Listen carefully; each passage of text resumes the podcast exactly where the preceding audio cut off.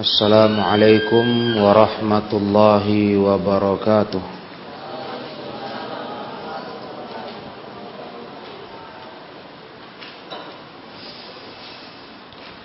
Innal hamdalillah wa nasta'inuhu wa nastaghfiruh.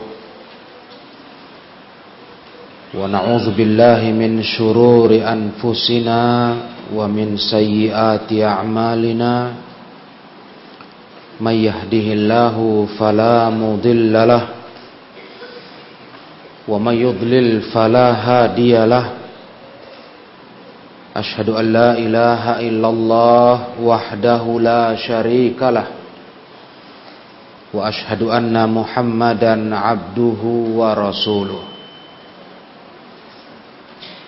يا أيها الذين آمنوا اتقوا الله حق تقاته ولا تموتن إلا وأنتم مسلمون يا أيها الناس اتقوا ربكم الذي خلقكم من نفس واحدة وخلق منها زوجها وبث منهما رجالا كثيرا ونساء واتقوا الله الذي تساءلون به والأرحام إن الله كان عليكم رقيبا يا أيها الذين آمنوا اتقوا الله وقولوا قولا سديدا يصلح لكم أعمالكم ويغفر لكم ذنوبكم ومن يطع الله ورسوله فقد فاز فوزا عظيما فإن أصدق الحديث كتاب الله وخير الهدى هدى رسول الله صلى الله عليه وسلم وشر الأمور محدثاتها فإن كل محدثة بدعة وكل بدعة ضلالة وكل ضلالة في النار أما بعد Kaum muslimin rahimakumullah. Masih kita berada pada tafsir surah At-Taubah.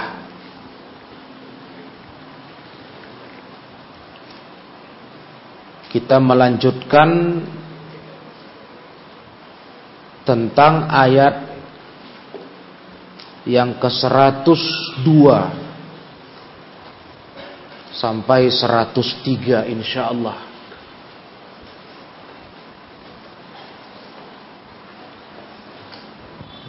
Jadi ma'asyiral ikhwah rahimakumullah kalau kita tarik ke belakang satu ayat sebelumnya Allah menjelaskan kepada Rasulullah sallallahu alaihi wasallam bahwa di sekitar beliau haulakum di sekitar beliau itu ada orang-orang Arab orang-orang Badui orang-orang pinggiran orang-orang desa Ada pula orang-orang kota, ahlul Madinah. Yang mana mereka itu di antaranya ada yang sudah terbiasa dengan sifat nifak. Allah beritahukan itu kepada Rasulullah sallallahu alaihi wasallam. Itulah kondisi masyarakat. Ikhwah para jemaah, memang kondisi masyarakat itu beragam macam. Tidak satu warna, tidak satu model. Nah, kalau di zaman Nabi sallallahu alaihi wasallam Allah katakan ada orang-orang desa, orang badui, orang kota yang ternyata mereka itu munafikun sudah terbiasa dengan kenifakan, maradu ala nifak. Kau tidak kenal mereka kata Allah. Karena nifak itu disembunyikan di dada. Tapi kami kenal mereka kata Allah. Kami tahu mereka. Dan sungguh kami yang akan mengadab mereka. Itu di antara model manusia di zaman Nabi, di lingkungan hidup Nabi. Ternyata ada model lain para jemaah. Ya memang begitu terus. Tiap zaman. Kita harus sadar diri hidup di masyarakat. Model orang-orangnya tidak sama. Tidak mesti sesuai dengan mau kita. Enggak. Banyak ragam bahwa. Itulah makanya kita harus tahu fikih. Bagaimana fikih bermasyarakat. Fikih hidup bersama manusia. Harus ngerti. Gak mungkin ma'asyurul ikhwah. Sekian banyak orang di sekitar kita. Sekian banyak manusia. Itu harus semua cocok dengan selera harus sesuai dengan mau kita. Tidak mungkin. Allah beritahu kepada Rasulnya. Allah kasih tahu Rasul agar Rasul menyadari. Hidup dengan masyarakat ini memang begitu. Beda-beda kondisi orangnya. Nah, ayat berikut ini, Masyirul Ikhwah, 102 sampai 103, Allah terangkan model lain dari kondisi masyarakat saat itu. Sampai saat sekarang pun akan terus begitu. Apa kata Allah? Wa akharuna atarafu bidzunubihim khalatu amalan saliha wa akhara sayyi'a. Ada lagi kata Allah orang-orang yang mereka itu mengakui dosa-dosa mereka Orang-orang yang sadar akan dosa. Iya. Sadar akan dosa. Yang mereka mencampur adukan amal solihnya dengan yang amal buruknya. Yang sayyi'a. Nah, lihat tipe manusia. Ada orangnya begitu. Yang munafik ada komunitasnya. Kelompoknya. Ini ada pula orang-orang yang memang mereka campur aduk tingkahnya. Ada amal baiknya, ada amal solehnya, ada amal buruknya. Dibuatnya dua-dua. Begitulah tipe manusia di masyarakat. Kita harus paham itu. Kita harus mengerti. Itu dia.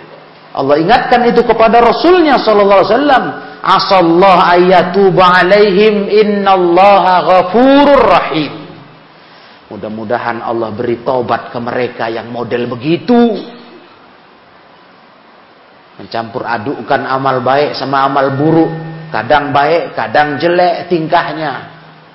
Semoga Allah beri taubat ke mereka. Sesungguhnya Allah Ta'ala maha pengampun lagi maha penyayang.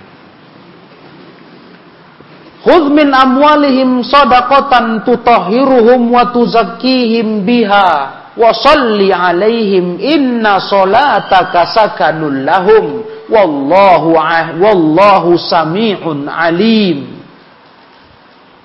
Kata Allah berikutnya, ambillah kata Allah, ambil dari mereka, dari harta mereka, sodakohnya, zakatnya, yang bisa mensucikan mereka dan dan bisa membersihkan diri mereka, harta mereka. Dan kau doakanlah mereka ketika mereka membayar zakatnya. Sungguh doamu kepada doamu untuk mereka itu memberikan ketentraman jiwa mereka. Sakanul lahum. Dan Allah maha mendengar lagi maha mengetahui. Itu dua ayat yang malam ini insya Allah akan kita baca tafsirnya. Kata Syekh Sa'di rahimahullahu ta'ala. Yaqulu ta'ala wa akharuna mimman bil madinati wa man haulaha bal wa min sairil biladil islamiyah. Tuh lihat. Ada tipe lain dari manusia selain kaum munafik tadi yang diceritakan di ayat 101 yang di zaman Nabi banyak itu. Ada model lain kata Allah yang mereka itu berada di kota Madinah dan di sekitar Madinah. Dan ini para ikhwah rahimakumullah. Bahkan kata Syekh, di seluruh negeri Islam. Iya, maka saya katakan tadi kepada ikhwah. Kondisi yang seperti ini, ragam jenis tipe tingkah manusia ini terus ada. Bukan cuma di zaman Nabi. Di semua kata kata Syekh Asadi, di semua negeri Islam. Ya begitulah. Karena kita orang rame, kita orang banyak. Jadi harus sadar diri, makanya sangat utama orang yang mau bergaul dengan banyak manusia dan sabar ngadapin tingkah mereka daripada orang yang menyendiri, uzlah, menyepi, tak bergaul dengan manusia karena tak sabar, menjauh menyendiri di gunung-gunung. Lebih utama yang mau bergaul dengan manusia, membaur dan sabar. Begitu. Ya. Lihat Rasulullah, Allah beritahu ke beliau kondisi-kondisi manusia di lingkungannya. Ada yang begini kata Allah, itu di semua negeri bahkan bukan cuma di kota Madinah kata Syekh Asadi.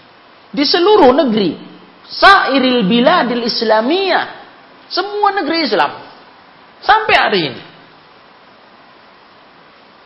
Ya begitulah memang ikhwah. Orang hidup ini beda-beda tingkahnya. Nggak sama. Nggak sesuai mesti kayak harapan kita. Makanya kita banyak sabar. Itu keutamaan yang luar biasa.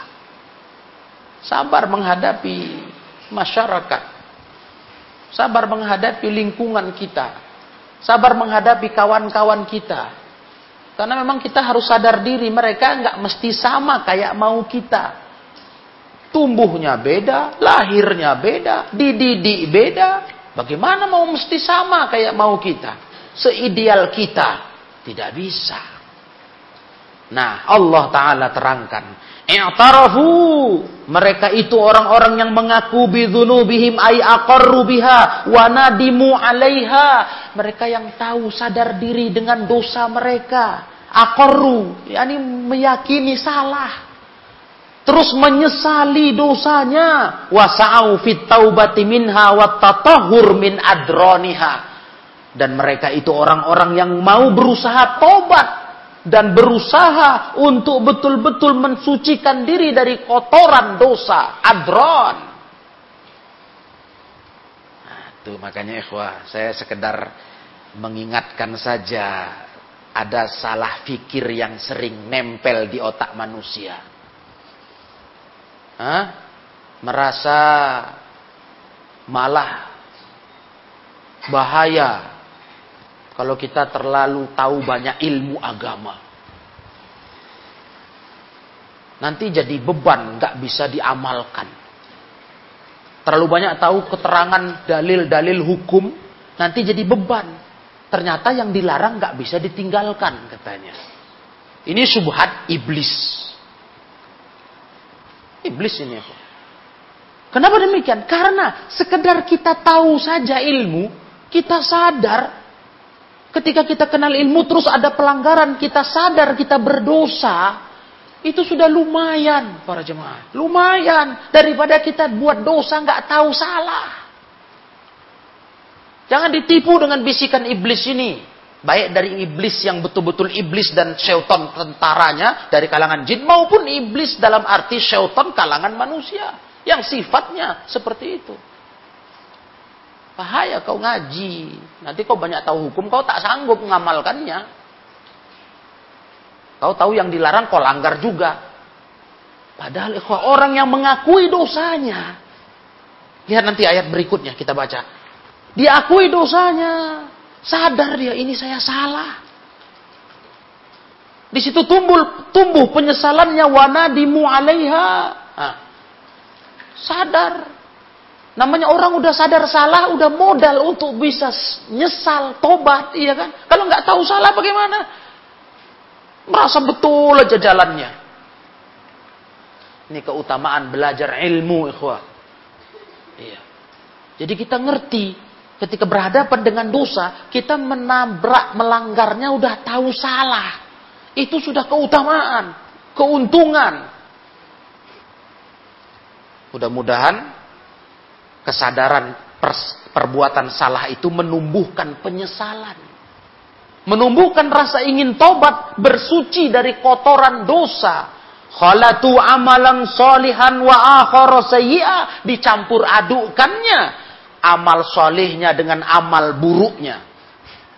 Betingkah baik kadang-kadang kadang betingkah jelek. Ya rata-rata begitulah kita ya. Dan itulah jenis manusia umumnya. Nggak ada yang baik terus. Mesti ada terjatuh terpleset dalam dosa. Khilaf. Nah Wala yakunul amalu salihan. Tapi ingat ya, kalau kita cerita bercampur amal soleh sama amal buruk, kita harus tahu dulu. Tidak dikatakan amal itu soleh, illa idza kana ma'al abdi aslu tauhid wal iman. Kecuali hamba itu punya sumber pokok tauhid dan keimanan di dadanya. Kalau dia tak punya tauhid, tak punya iman, nggak ada kalimat amal soleh dalam tingkahnya. Sekalipun dianggap dia buat baik. Maka yang terhitung punya amal soleh hanya orang yang beriman. Muslimin. Kalau kafirin, walaupun dia secara hukum zohir dipandang mata, dia buat baik.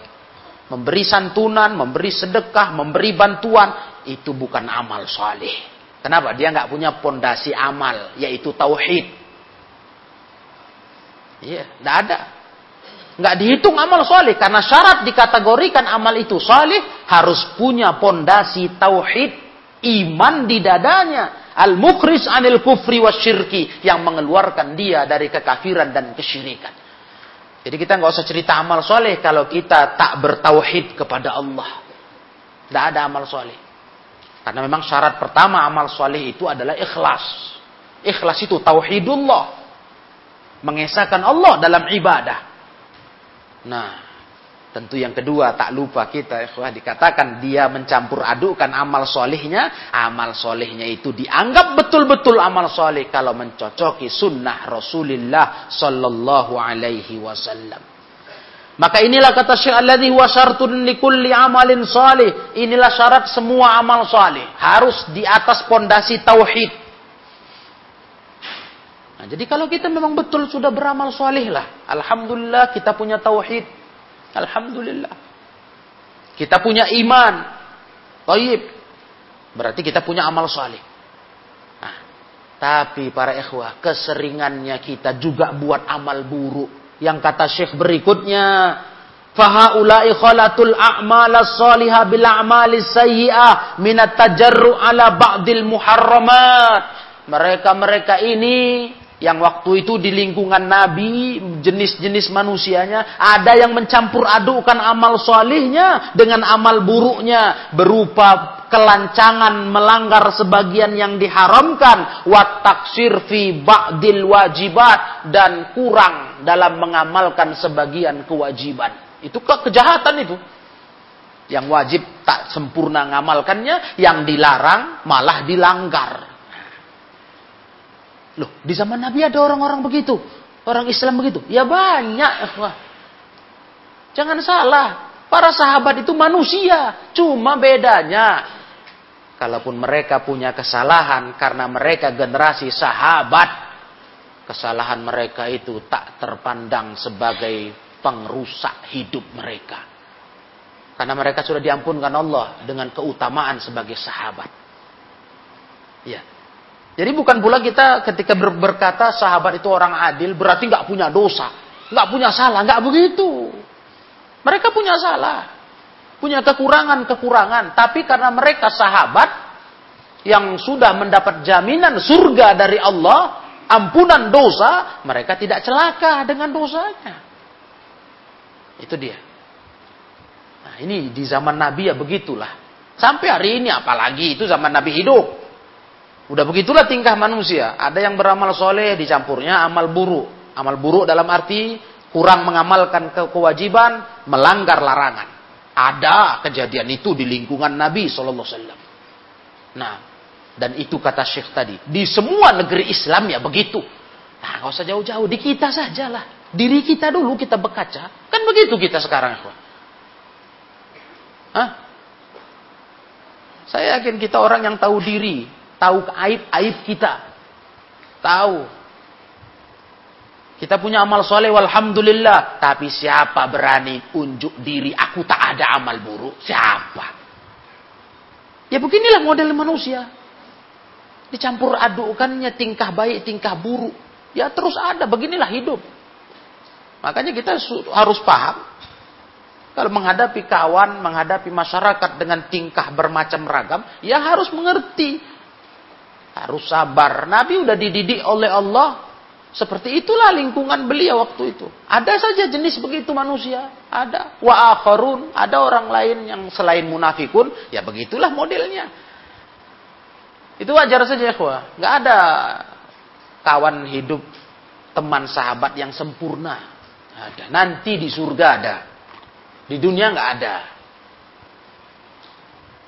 Kita akan temukan kekurangan-kekurangan yang terus nampak dalam kehidupan ini. Baik pada diri kita maupun kawan-kawan kita maupun masyarakat kita. Di sinilah dibutuhkan kita faham fikih bermasyarakat faham bagaimana etika berkawan, ngerti. Iya. Kalau nggak hancur kita. Nah, di mana mau kita cari? Di lingkungan dunia ini ada tipe-tipe manusia, komunitas masyarakat yang sempurna. Yang nggak mencampurkan amal buruk dengan amal baik. Di mana? Di mana tempatnya? Nggak ada. Naam. Ini penting betul kita sadari sebagaimana Allah didik Rasulnya untuk faham kondisi itu di masa beliau hidup. Ikhwan yang dimuliakan Allah Ta'ala. Tapi yang yang istimewanya orang-orang di masa itu, ma'tirafi bidzalika warroja bi ayyaghfirallahu lahum. Nah, mereka sadar, nah, inilah yang harus kita kita miliki kondisi ini yang mencampur adukan amal baik, amal jelek tadi sadar akan amal jeleknya dan mereka berharap kepada Allah ampunannya. Nah, itu tadi. Makanya kita harus belajar agama biar sadar berdosa.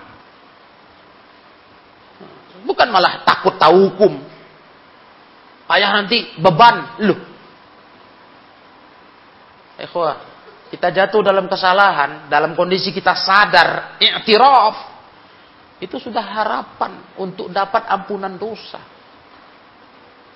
Nah, jangan salah. Daripada kita buat dosa tak tahu salah karena tak berilmu. Nah, ini yang parah. Makanya itu ikhwah dari sinilah kita nggak pernah anti kritikan. Nggak kenal ketersinggungan kalau dikatakan kita salah. Diberitahu kita hukum agama, tahu salah. Jauh kita dari ketersinggungan, nggak senang, karena kita malah untung, senang, gembira. Jadi tahu kita, oh salah rupanya. Jazakallahu khairah. Kita malah ucapkan itu kepada orang yang beritahu itu. Semoga Allah balas kau kebaikan. Jadi tahu saya, ini dosa. Makanya unik kali. Orang yang memang jauh dari ilmu agama. Yang kalau dia belajar ilmu, belajar hukum. Tahu-tahu tanpa disadari menyinggung dia. Dia merasa merasa berat hati. Wah Tak terima saya. Lah. Gimana ini ceritanya? Sedangkan kita belajar agama ini ya biar tahu di mana kita buat dosa, yang mana dosa kita. Biar kita tahu, biar kita sadar, mudah-mudahan berlanjut kepada tobat. Bukan malah tersinggung, nggak terima. Gimana? Kita kan mau berobat ini, berobat dari dosa-dosa kita, belajar terus belajar, kenal ilmu dari sumber yang sahih, Al-Quran was sunnah dengan faham salaf, dibimbing ulama. Untuk apa? Untuk kita tahu diri, mana yang harus kita kerjakan, mana yang harus kita tinggalkan. Dosa apa yang kita lakukan. Nah, begitulah mestinya, ma'asyiral ikhwah rahimakumullah. Itu kalau orang yang baik jiwanya, malah bersyukur dia tahu ilmu, ditegur dosa-dosanya dengan ilmu tersebut. Para ikhwah yang mulia, kemudian asallahu fahaula asallahu ayatuba alaihim. Lihat, Orang-orang yang begitu yang tahu ngaku buat dosa, sadar, mudah-mudahan Allah beri tobat ke mereka kata Allah. Asallahu ayatuba alaihim. Bentuk memberi taubatnya wa taubatuhu ala abdihi nau'an. Ada dua bentuk Allah beri taubat ke hamba yang sudah tahu buat dosa, sadar ya. Tuh sekali lagi, itu untungnya ngaji, tahu ilmu. Jadi tahu kita yang mana dosa kita, yang mana perbuatan kita yang berdosa kita di situ. Tahu. Nanti mudah-mudahan Allah beri dia pintu tobat. Bentuk tobat dari Allah ada dua kata Syekh. Yang pertama, al-awwal at-taufik li taubah. Kita dibimbing Allah mau tobat. Yang selama ini susah berhenti dosa, begitu tahu ilmu, mudah-mudahan Allah bimbing kita mau tobat. Itu yang pertama bentuk tobat dari Allah, dibimbingnya kita. Dan yang kedua para ikhwatani qabuluha ba'da wuku'iha minum. Allah terima setelah muncul taubat itu dari mereka. Itu maknanya. Nah, jadi makna diberi taubat oleh Allah yang pertama dibimbing dulu karena tanpa bimbingan Allah kita susah taubat ya, Susah, nggak bisa pun hidayah itu. Kalau hidayah ini nggak masuk ke hati, nggak diberi Allah, nggak ada yang bisa membuat kita baik. Yang kedua setelah tobat Allah terima. Allah itu paha, maha penerima tobat. Nah, dari mana jalannya bisa tobat, bisa dibimbing tobat? Dari ilmu. Ilmu itu bikin kita sadar kita berdosa. Kalau sempat kita nggak pernah tahu ilmu, nggak pernah sadar sedang buat dosa, dari mana jalan mau mau tobat?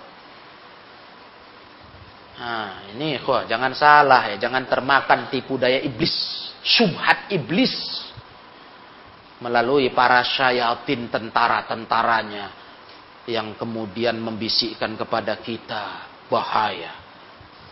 Tidak usah mendalam kali tahu agama. Mati memberatkan kamu. Nanti kau berat ngamalkan perintah, berat meninggalkan larangan. Karena udah keburu tahu ilmu katanya. Ini subhat iblis dan para syayatin. Malah kita mau tahu terus ikhwah. Mau belajar terus Mau dikoreksi terus. Kenapa rupanya? Biar apa? Biar kita sadar berdosa. Tahu salah. Nanti mudah-mudahan dikasih pintu tobat oleh Allah dengan bimbingannya. Itulah ikhwan.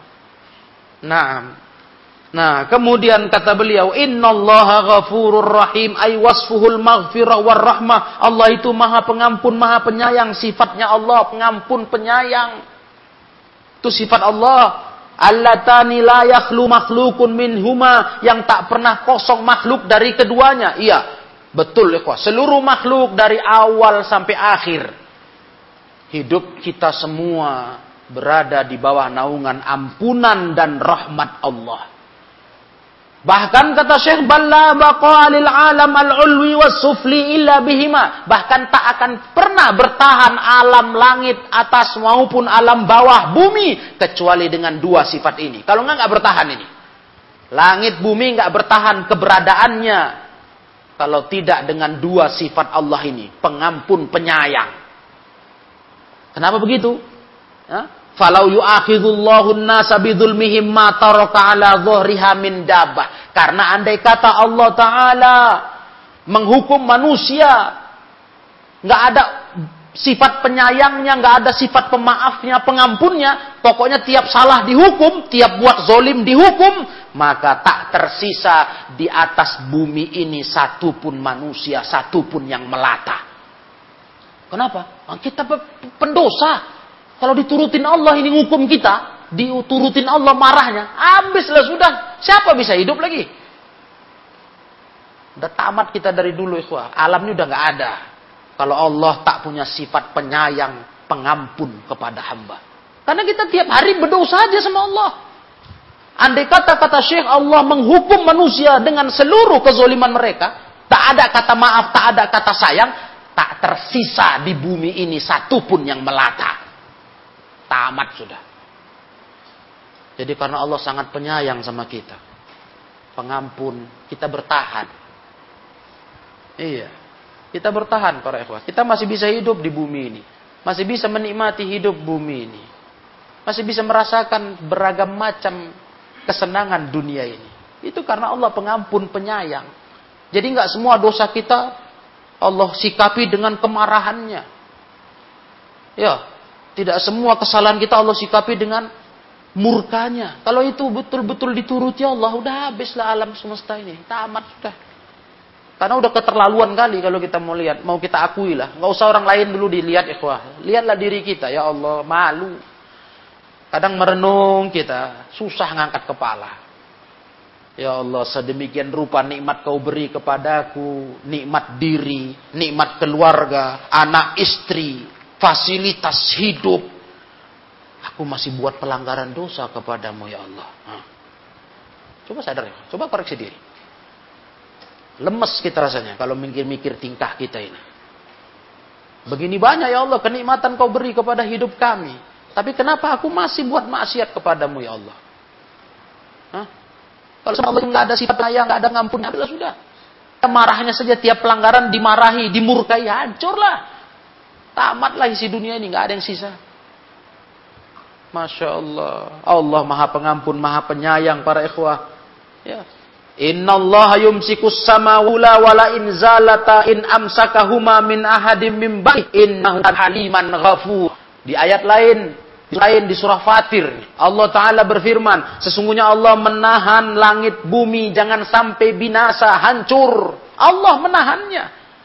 Karena andai kata bumi langit ini hancur, tak satu pun manusia keduanya mempertahankannya. Tapi Allah mempertahankannya untuk tetap masih ada. Untuk hidup hamba-hambanya. Karena memang Allah itu haliman ghafura sifatnya penyantun penyayang pengampun. Nah, ini salah satu yang saya pernah ingat ya dari nasihatnya Ibnul Qayyim ini salah satu yang bisa menggugah kita untuk lebih memperkecil pelanggaran dosa apa itu rasa malu diri Rasa malu diri kepada Allah. Ketika kita sadar betapa Allah Ta'ala begitu banyak melimpahkan karunia hidup kepada kita. Kebahagiaan hidup yang gak terhitung-hitung. Karena kita gak sanggup ngitungnya. Tapi kenapa kok kita masih melanggar dosa-dosa kepadanya? Nah, ini cara lembut menggugah jiwa. Selain ancaman-ancaman berupa neraka yang mungkin kadang-kadang gak mempan itu. Kadang-kadang manusia ini begitu. Malah sepele saja. Cerita neraka, azab yang dahsyat. Yang para sahabat Nabi, bahkan Nabi SAW membaca ayat cerita neraka saja. Itu menahan nangisnya kayak periuk yang sedang menggelegak. Dadanya bergemuruh, terisak-isak, ditahan. Karena takutnya baca ayat neraka. Kebanyakan kita malah tertawa. Nah mungkin ada jalan lain ya, selain itu. Artinya secara perasaan lembut. Iya, cobalah mikir, Berapa banyak hidup kita diberi Allah kesenangan, kenikmatan, kebahagiaan. Apa nggak bisa kita kurangi dosa? Nggak bisa kita hentikan yang dosa-dosa itu. Masih juga dibuat juga dengan tenang-tenang, ketawa-ketawa.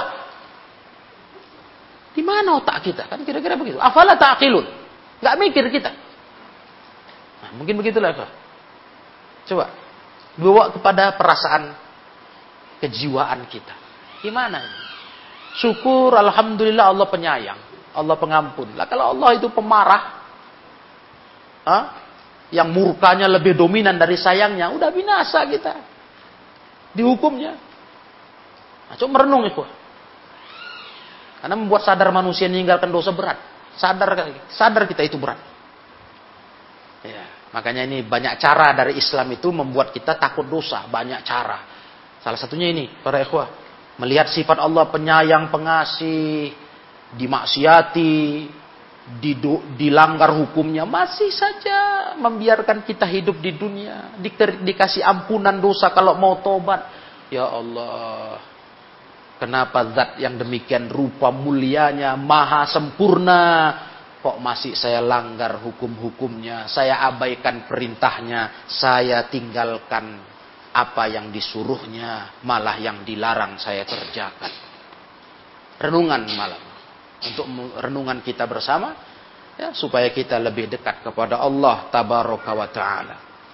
Wa min maghfiratihi di antara bentuk ampunan Allah annal musrifina ala anfusihim alladzina qata'u a'marahum bil a'mali sayyi'ah. Orang yang melampaui batas atas diri mereka yang sudah menghabiskan umur mereka dengan amal buruk. Coba ini bentuk pengampunan Allah contohnya.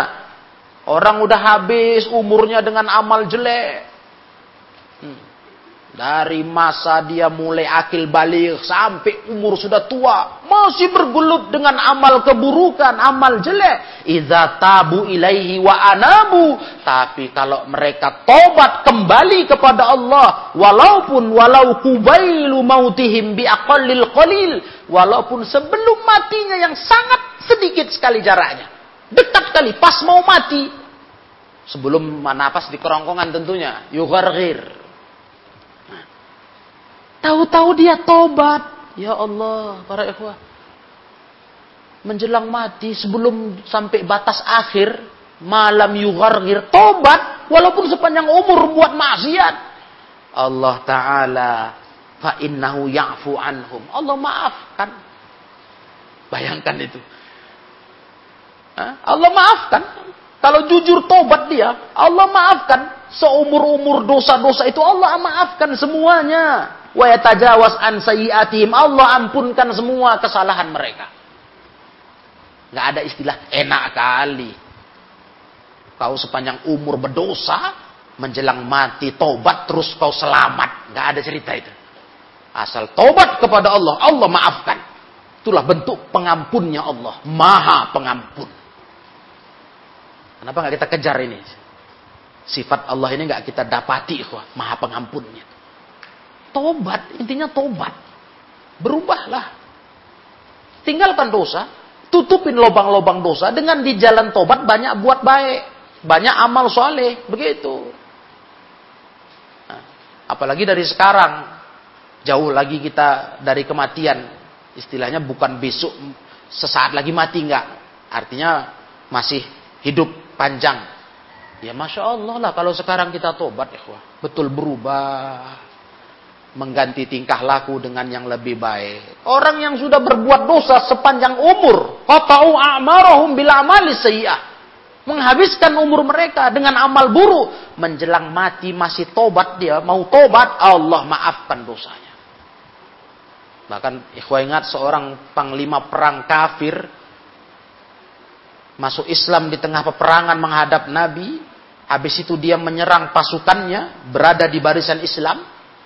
Ketika mendengar dia wafat, kata Rasul, dia di surga. Dalam kondisi sujud sekalipun keningnya belum pernah untuk Allah. Jangankan amal baik lain. Sujud sekalipun kening ini belum pernah untuk Allah.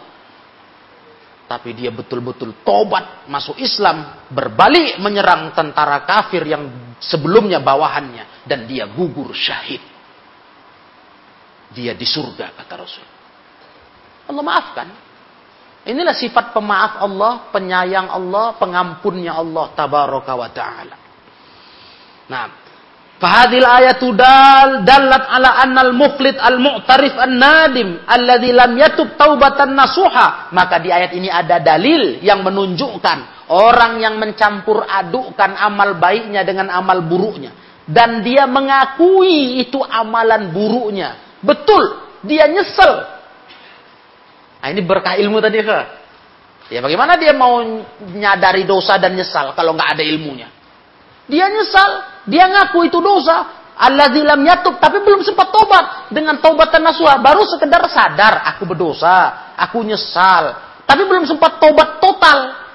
Belum sempat ditinggalkannya total dosa itu. Kemudian dia mati. Inna annahu tahtal khawfar roja. Wahwa ilas salamati akrab. Nasib orang begini. Kata Syekh. Itu di antara dua. Antara harapan. Antara harapan dan kekhawatiran. Karena dia tadi matinya. Mati dalam kondisi buat dosa. Juga buat baik. Tapi di jalur dosa ini dia ngaku. Dia sadar dan terbetik penyesalan tapi belum sempat tobat. Karena dia keburu mati setelah itu kan bukti tobat kan harus nampak, bukan hanya di mulut saya, aku tobat. Enggak, harus dibuktikannya di hari berikutnya dia tinggalkan dosa. Jadi belum sempat nampak bukti tobat. Nasib orang begini antara dua. Diharapkan dia selamat atau dikhawatirkan dia diazab. Tapi kata Syekh, dia ilas salamati akrab. Kepada keselamatan lebih dekat. Untung kan? Dari mana bisa tahu sadar aku berdosa kalau kita nggak berilmu? Coba. Dari mana caranya? Kalau kita nggak berilmu, bagaimana kita sadar ini dosa yang kubuat? Itulah untungnya berilmu. Hmm.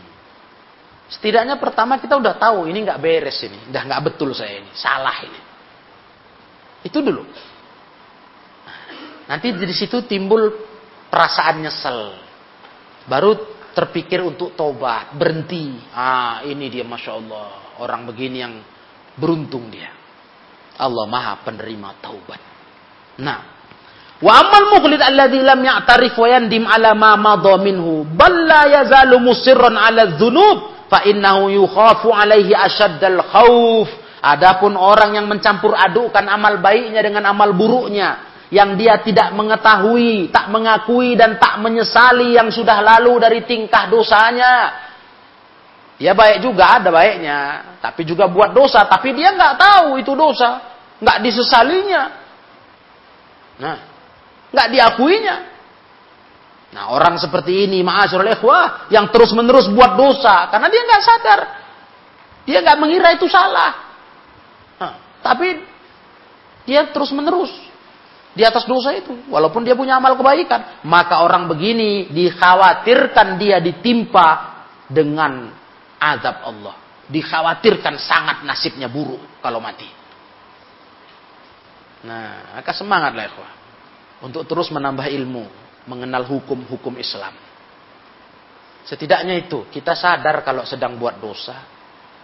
Kita ngaku Makanya salah satu doa yang harus sering dibaca, Ya Allah, aku mengakui dosaku kepadamu.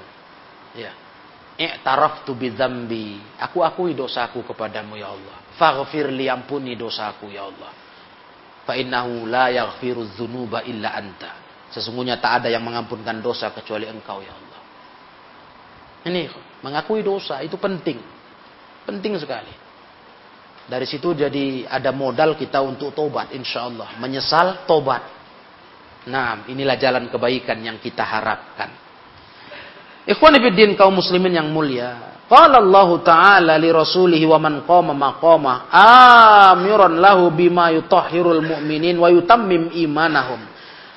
Berikutnya Allah berkata kepada Rasulnya dan orang-orang yang menduduki posisi seperti Rasulnya, penerusnya maksudnya sebagai para dai ya penyeru kepada agama agar memerintahkan apa yang bikin umat umat Islam orang beriman suci yang bikin iman mereka sempurna. Ada.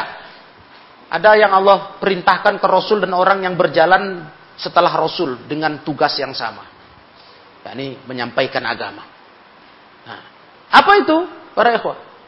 Min amwalihim sodakotan. Allah perintahkan, ambil dari harta mereka zakatnya. Nah, ini salah satu dalil wajibnya zakat.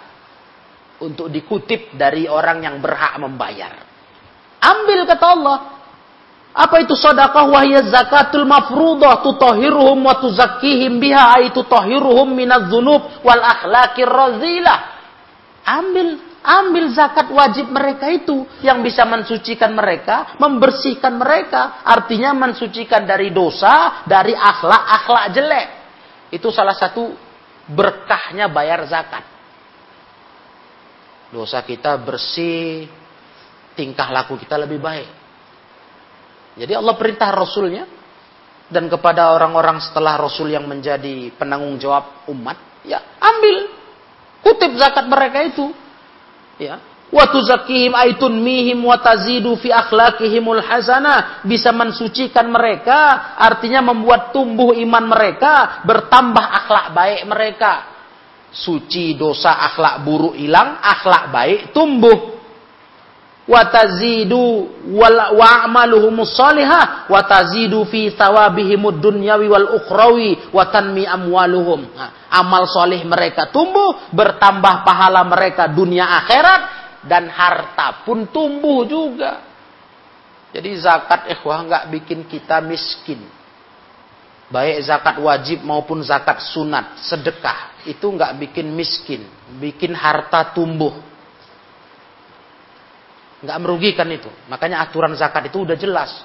Kita udah ngaji ya, sudah pernah selesai bab zakat. Di situ ditekankan betul, zakat ini nggak merugikan pemilik harta. Karena ada ketentuan-ketentuannya.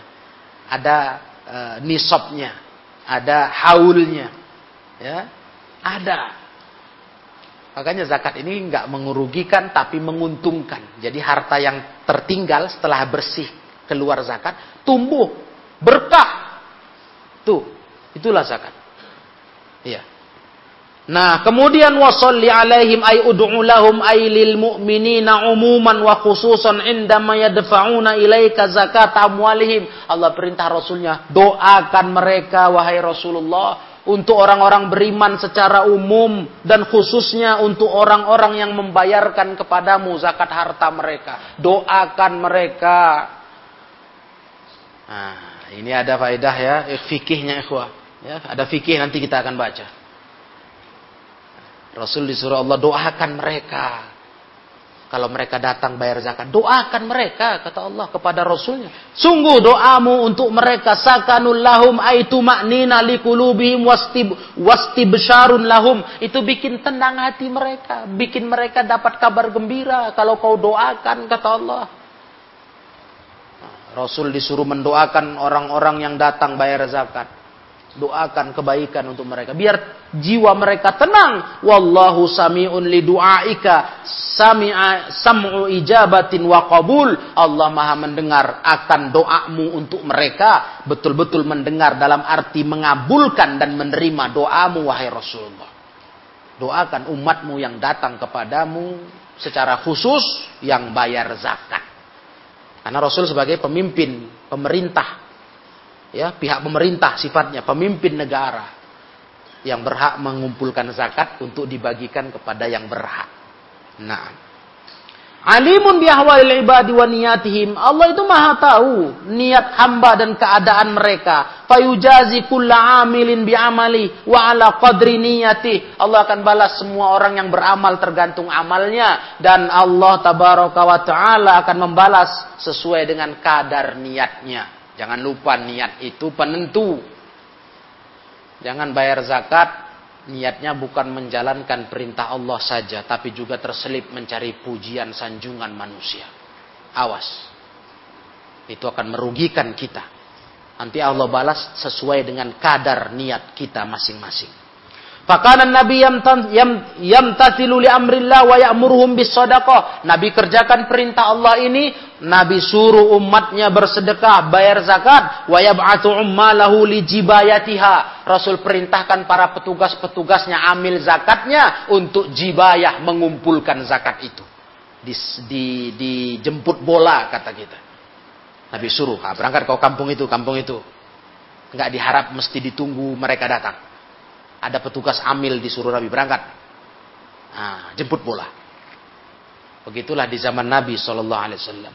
Faida atahu ahadun bisodakoti da'alahu wa barrah. Ketika ada orang datang kepada beliau bawa bawa zakatnya, Nabi mendoakan beliau, mendoakan orang itu dan mendoakan keberkahan untuknya. Mengamalkan perintah Allah dalam ayat ini. Fafi hadhil ayah dalalatun ala wujubiz zakah fi jami'il amwal. Maka di ayat ini ada dalil wajibnya bayar zakat di semua harta. Wajib. Ya. Wa hadza idza kanat litijarati zahirah. Dan ini kalau harta itu harta dagang jelas nyata. Karena berkembang. Udah pasti itu jelas. Ya, itu keluar zakatnya. Fa innaha amwalun tanmi wa yuktasabu biha harta zakat dagang, harta dagang itu kan tumbuh. Tumbuh dan dihasilkan darinya. Ya, berarti pas kalau bayar zakat. Faman faminal adli ayyuwasi minhum bin hal fuqara bi adai ma aujaballahu fiha minaz zakah termasuk keadilan namanya. Kalau orang fakir pun dapat persamaan cipratan rezeki dari harta dagang itu dengan dikasih zakat. Kan zakat salah satu pos sasarannya orang miskin kan, fuqara. Ya pas itu para ikhwah yang mana Allah tentukan kita harus bayar zakat. Memang kan kita belajar bab zakat di fikih Salah satu tujuan zakat apa? Muasah untuk menyamaratakan biar orang miskin pun merasakan faidah harta orang kaya dari zakat-zakat mereka. Ya kan? Itu di antara gunanya membayar zakat harta. Wa ma ada amwalu tijara fa in kana al mal yanmi kal hubub was thimar wal masya al muttakhadha lin nama wad dur wan nasl fa innaha tajibu fiha zakah. Dan selain dari harta dagang, yang bukan harta dagangan. Kalau memang itu harta pun tumbuh, walaupun gak di dagangan, tapi tumbuh berkembang seperti biji-bijian, buah-buahan, hewan-hewan ternak yang diambil, yang digunakan untuk e, dikembangbiakkan, ya, atau dari bibit-bibit yang digunakan untuk ditanam untuk terus berkembang, maka itu wajib juga zakat. Sama. Makanya kita udah belajar ada zakat hewan ternak, ada zakat pertanian, itu sama. Walaupun dasarnya nggak untuk dagang misalnya. Tapi kalau udah sampai kadar nisabnya, cukup jumlah sekian ekornya, kambing, sapi, unta, bayar zakat. Itu semua udah belajar alhamdulillah dalam fikih zakat. Nah, wa illa lam tajib fiha wa illa lam tajib fiha li'annaha idza kana lil qunyah. Kalau tidak seperti itu tentu nggak wajib.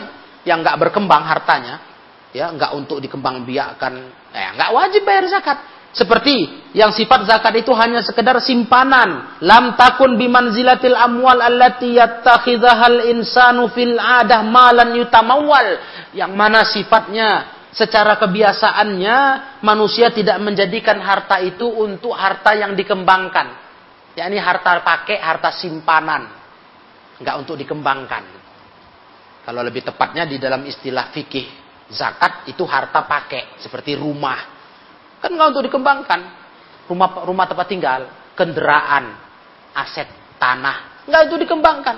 Kepemilikan saja, al-kunyah. Nah itu nggak ada zakatnya. Makanya mengada-ngada sekali ada orang buat aturan zakat jual rumah kalau laku bayar zakat. Beli rumah bayar zakat. Jual kendaraan, beli kendaraan, keluar zakat. Lah dari mana? Ini fikih siapa? Tapi orang karena tak tahu ilmu, iya juga. Biar katanya berkah rumahmu, berkah kendaraanmu, yang terjual, yang terbeli. Ah, iyalah sudah, semangat. Astagfirullah. Ini zolim kepada harta manusia. Membuat mereka mengeluarkan harta tidak dengan haknya. Ya, atas dasar hukum yang tidak betul. Nauzubillah dari perbuatan seperti itu. Naam, ikhwan fillah yang mulia, wa yutlabu minhul maqasidul maliyah wa innama surifa 'anil maliyah bil kunya wa nahwiha. Dan tidak tujuan untuk mencapai keuntungan harta yang kayak dagang-dagang tadi ternak dan sebagainya. Dan memang zakat ini dialihkan, dipalingkan dari harta-harta pakai tadi.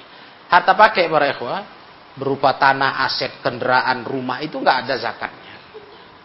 Ini mengulang sedikit tentang ilmu zakat yang sudah kita pelajari. Kemudian wafiha dalam ayat ini juga ada faidah. Annal abda la yumkinuhu ayatatahhar wa yatazakka hatta ya, hatta yukhrija zakata mali. Hamba itu nggak mungkin bisa mensucikan dirinya, membersihkan hartanya sampai dia bayar zakat hartanya. Nggak bisa. Jadi orang nggak bayar zakat harta kotor dia itu.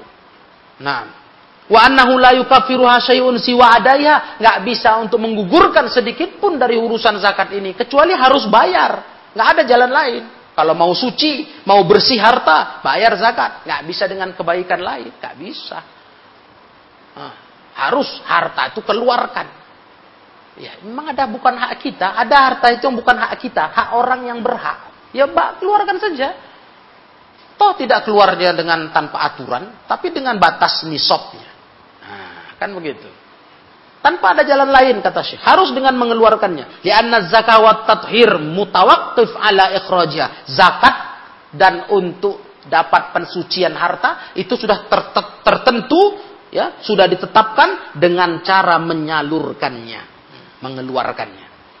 Artinya nggak ada jalan lain kalau mau bersih harta, bersih jiwa kecuali zakat dibayar. Jangan main-main masalah ini. Bayar zakat tepat waktu agar harta kita bersih, jiwa kita bersih dari akhlak-akhlak buruk. Nah, kemudian wafiha istihbabud doa minal imam au naibih liman adda zakatahu bil barokah. Disunahkan doa dari seorang imam atau wakilnya, pemimpin atau wakilnya kepada orang yang bayar zakat, doakan keberkahan dan wa anna zalika bagi ayakuna jahron. Kalau dari pemimpin ya, Sepantasnya lah kita doakan dengan keras di depan dia. Karena tujuannya apa tadi? Membuat hatinya tenang. Lah kalau kita diam-diam nggak baca, nggak dengar suara, macam mana dia tahu didoakan? Jadi Syekh Asadi mengambil istimbat hukum harus dengan keras, jahron, bihaitsu yasma'us al-mutasaddiq fayaskun ilai yang sudah berzakat itu mendengar jadi tenang hatinya, gembira dia didoakan. Nah, ini ini salah satu ilmu yang yang harus diperhatikan bagi para petugas zakat, amil-amil zakat, itu masuk kategori na naib, wakil dari pemerintah atau dari yang berwenang. Harusnya didoakan mereka. Nggak perlu ada baca zikir khusus, doakan saja keberkahan. Hah? Doakan mereka selamat, doakan mereka berkah hartanya, baik hidupnya. Sudah. Dan itu didoakan dengan keras, kata Syekh As-Sa'di wa annahu bagi tan wa yu'khadhu minal ma'na annahu bagi idkhalus surur al mu'min bil kalamil lain. Dan diambillah dari makna ini ada satu faidah yaitu apa? Sepantasnya lah dalam hidup ini. Suka memasukkan kegembiraan kepada seorang mukmin dengan ucapan yang lunak lembut. Itu satu akhlak ya biasakanlah buat hati kawan tuh senang dengan cakap-cakap lembut. Diambil dari makna ini. Nah, biasakan bikin hati orang gembira, senang. Karena Rasul di situ disuruh Allah. Doakan, biar apa? Biar tenang hati mereka. Sakanullahum. Nah, itu dia. Maka tutur kata yang baik, yang bikin hatinya gembira, senang. Itu sunnah. Dalam kita bergaul memasukkan kesenangan ke hati kawan lewat ucapan yang lembut wa doa doakan dia wa nahu dzalik mimma yakunu fihi tuma'ninah wa sukun liqalbi dan yang lainnya yang bikin ketenangan dan ketentraman di hatinya. Nah, jadi yang bikin tenang, tentram hatinya lakukan. Yang penting kawan kita ini hatinya gembira, tenang, tentram. Baik berupa ucapan lembut maupun doa. Ah, ini fikih tambahannya ya Alhamdulillah ada satu tuntunan akhlak yang penting betul dalam hal ini. Dan ini etika pergaulan yang diajarkan Nabi. Ikhwanifidin yang dirahmati Allah. Yang terakhir wa annahu yang bagi tansyitu man anfaqa wa amila amalan soliha biddu'a lahu wattana wa nahwi dhalik. Di seharusnya lah memberi semangat kepada orang yang mau berinfak dengan infak dan amal solihnya, caranya memberi semangatnya dengan doa, dengan kita memberi semangat kepada dia, berterima kasih atas perbuatannya, biar dia semangat. Nah itu sepantasnya seperti itu. Ya, itu yang Nabi diajar Allah dalam bersikap kepada umatnya. Nah demikianlah kaum muslimin para jemaah yang saya muliakan. Alhamdulillah kita dapat keterangan ilmu yang sangat berfaidah sekali malam ini. Kita diberi kesadaran dengan baca ayat ini bahwa hidup ini memang lingkungan kita, orang sekitar kita tak mesti bisa cocok dengan yang kita mau tipe manusia itu macam ragam. Nah, macam ragam. Tingkah manusia beda-beda. Maka dituntut sabar. Sabar. Nah, sampai kepada kalaupun yang munafik yang buat makar yang kita nggak tahu kan nah, serahkan ke Allah kan Allah bilang ke nabinya di ayat 101 kau nggak tahu mereka yang munafik kami tahu kami yang akan azab jadi gampang hidup ini gampang saja Pak yang nggak tahu kita mungkin kita curiga ada orang-orang yang sekeliling kita berencana makar dan macam-macam. Nggak usah pening kali. Nggak usah tajasus mata-matai dia. Nggak usah. Serahkan sama Allah. Rasulullah aja digitukan Allah. Tenang aja kami yang akan azab mereka. Selesai nah, ini yang maunya dipegang ya apalagi urusan kita sekarang ini urusan membela agama Allah ini agama punya Allah pasti Allah bela Allah tolong maka kalau kita berjalan di atas agamanya pasti Allah tolong udah serahkan aja sama Allah Gak usah kita pening-pening mikirkan panjang kali. Itu yang Allah hibur nabinya. Kau nggak kenal mereka, kami kenal mereka kata Allah.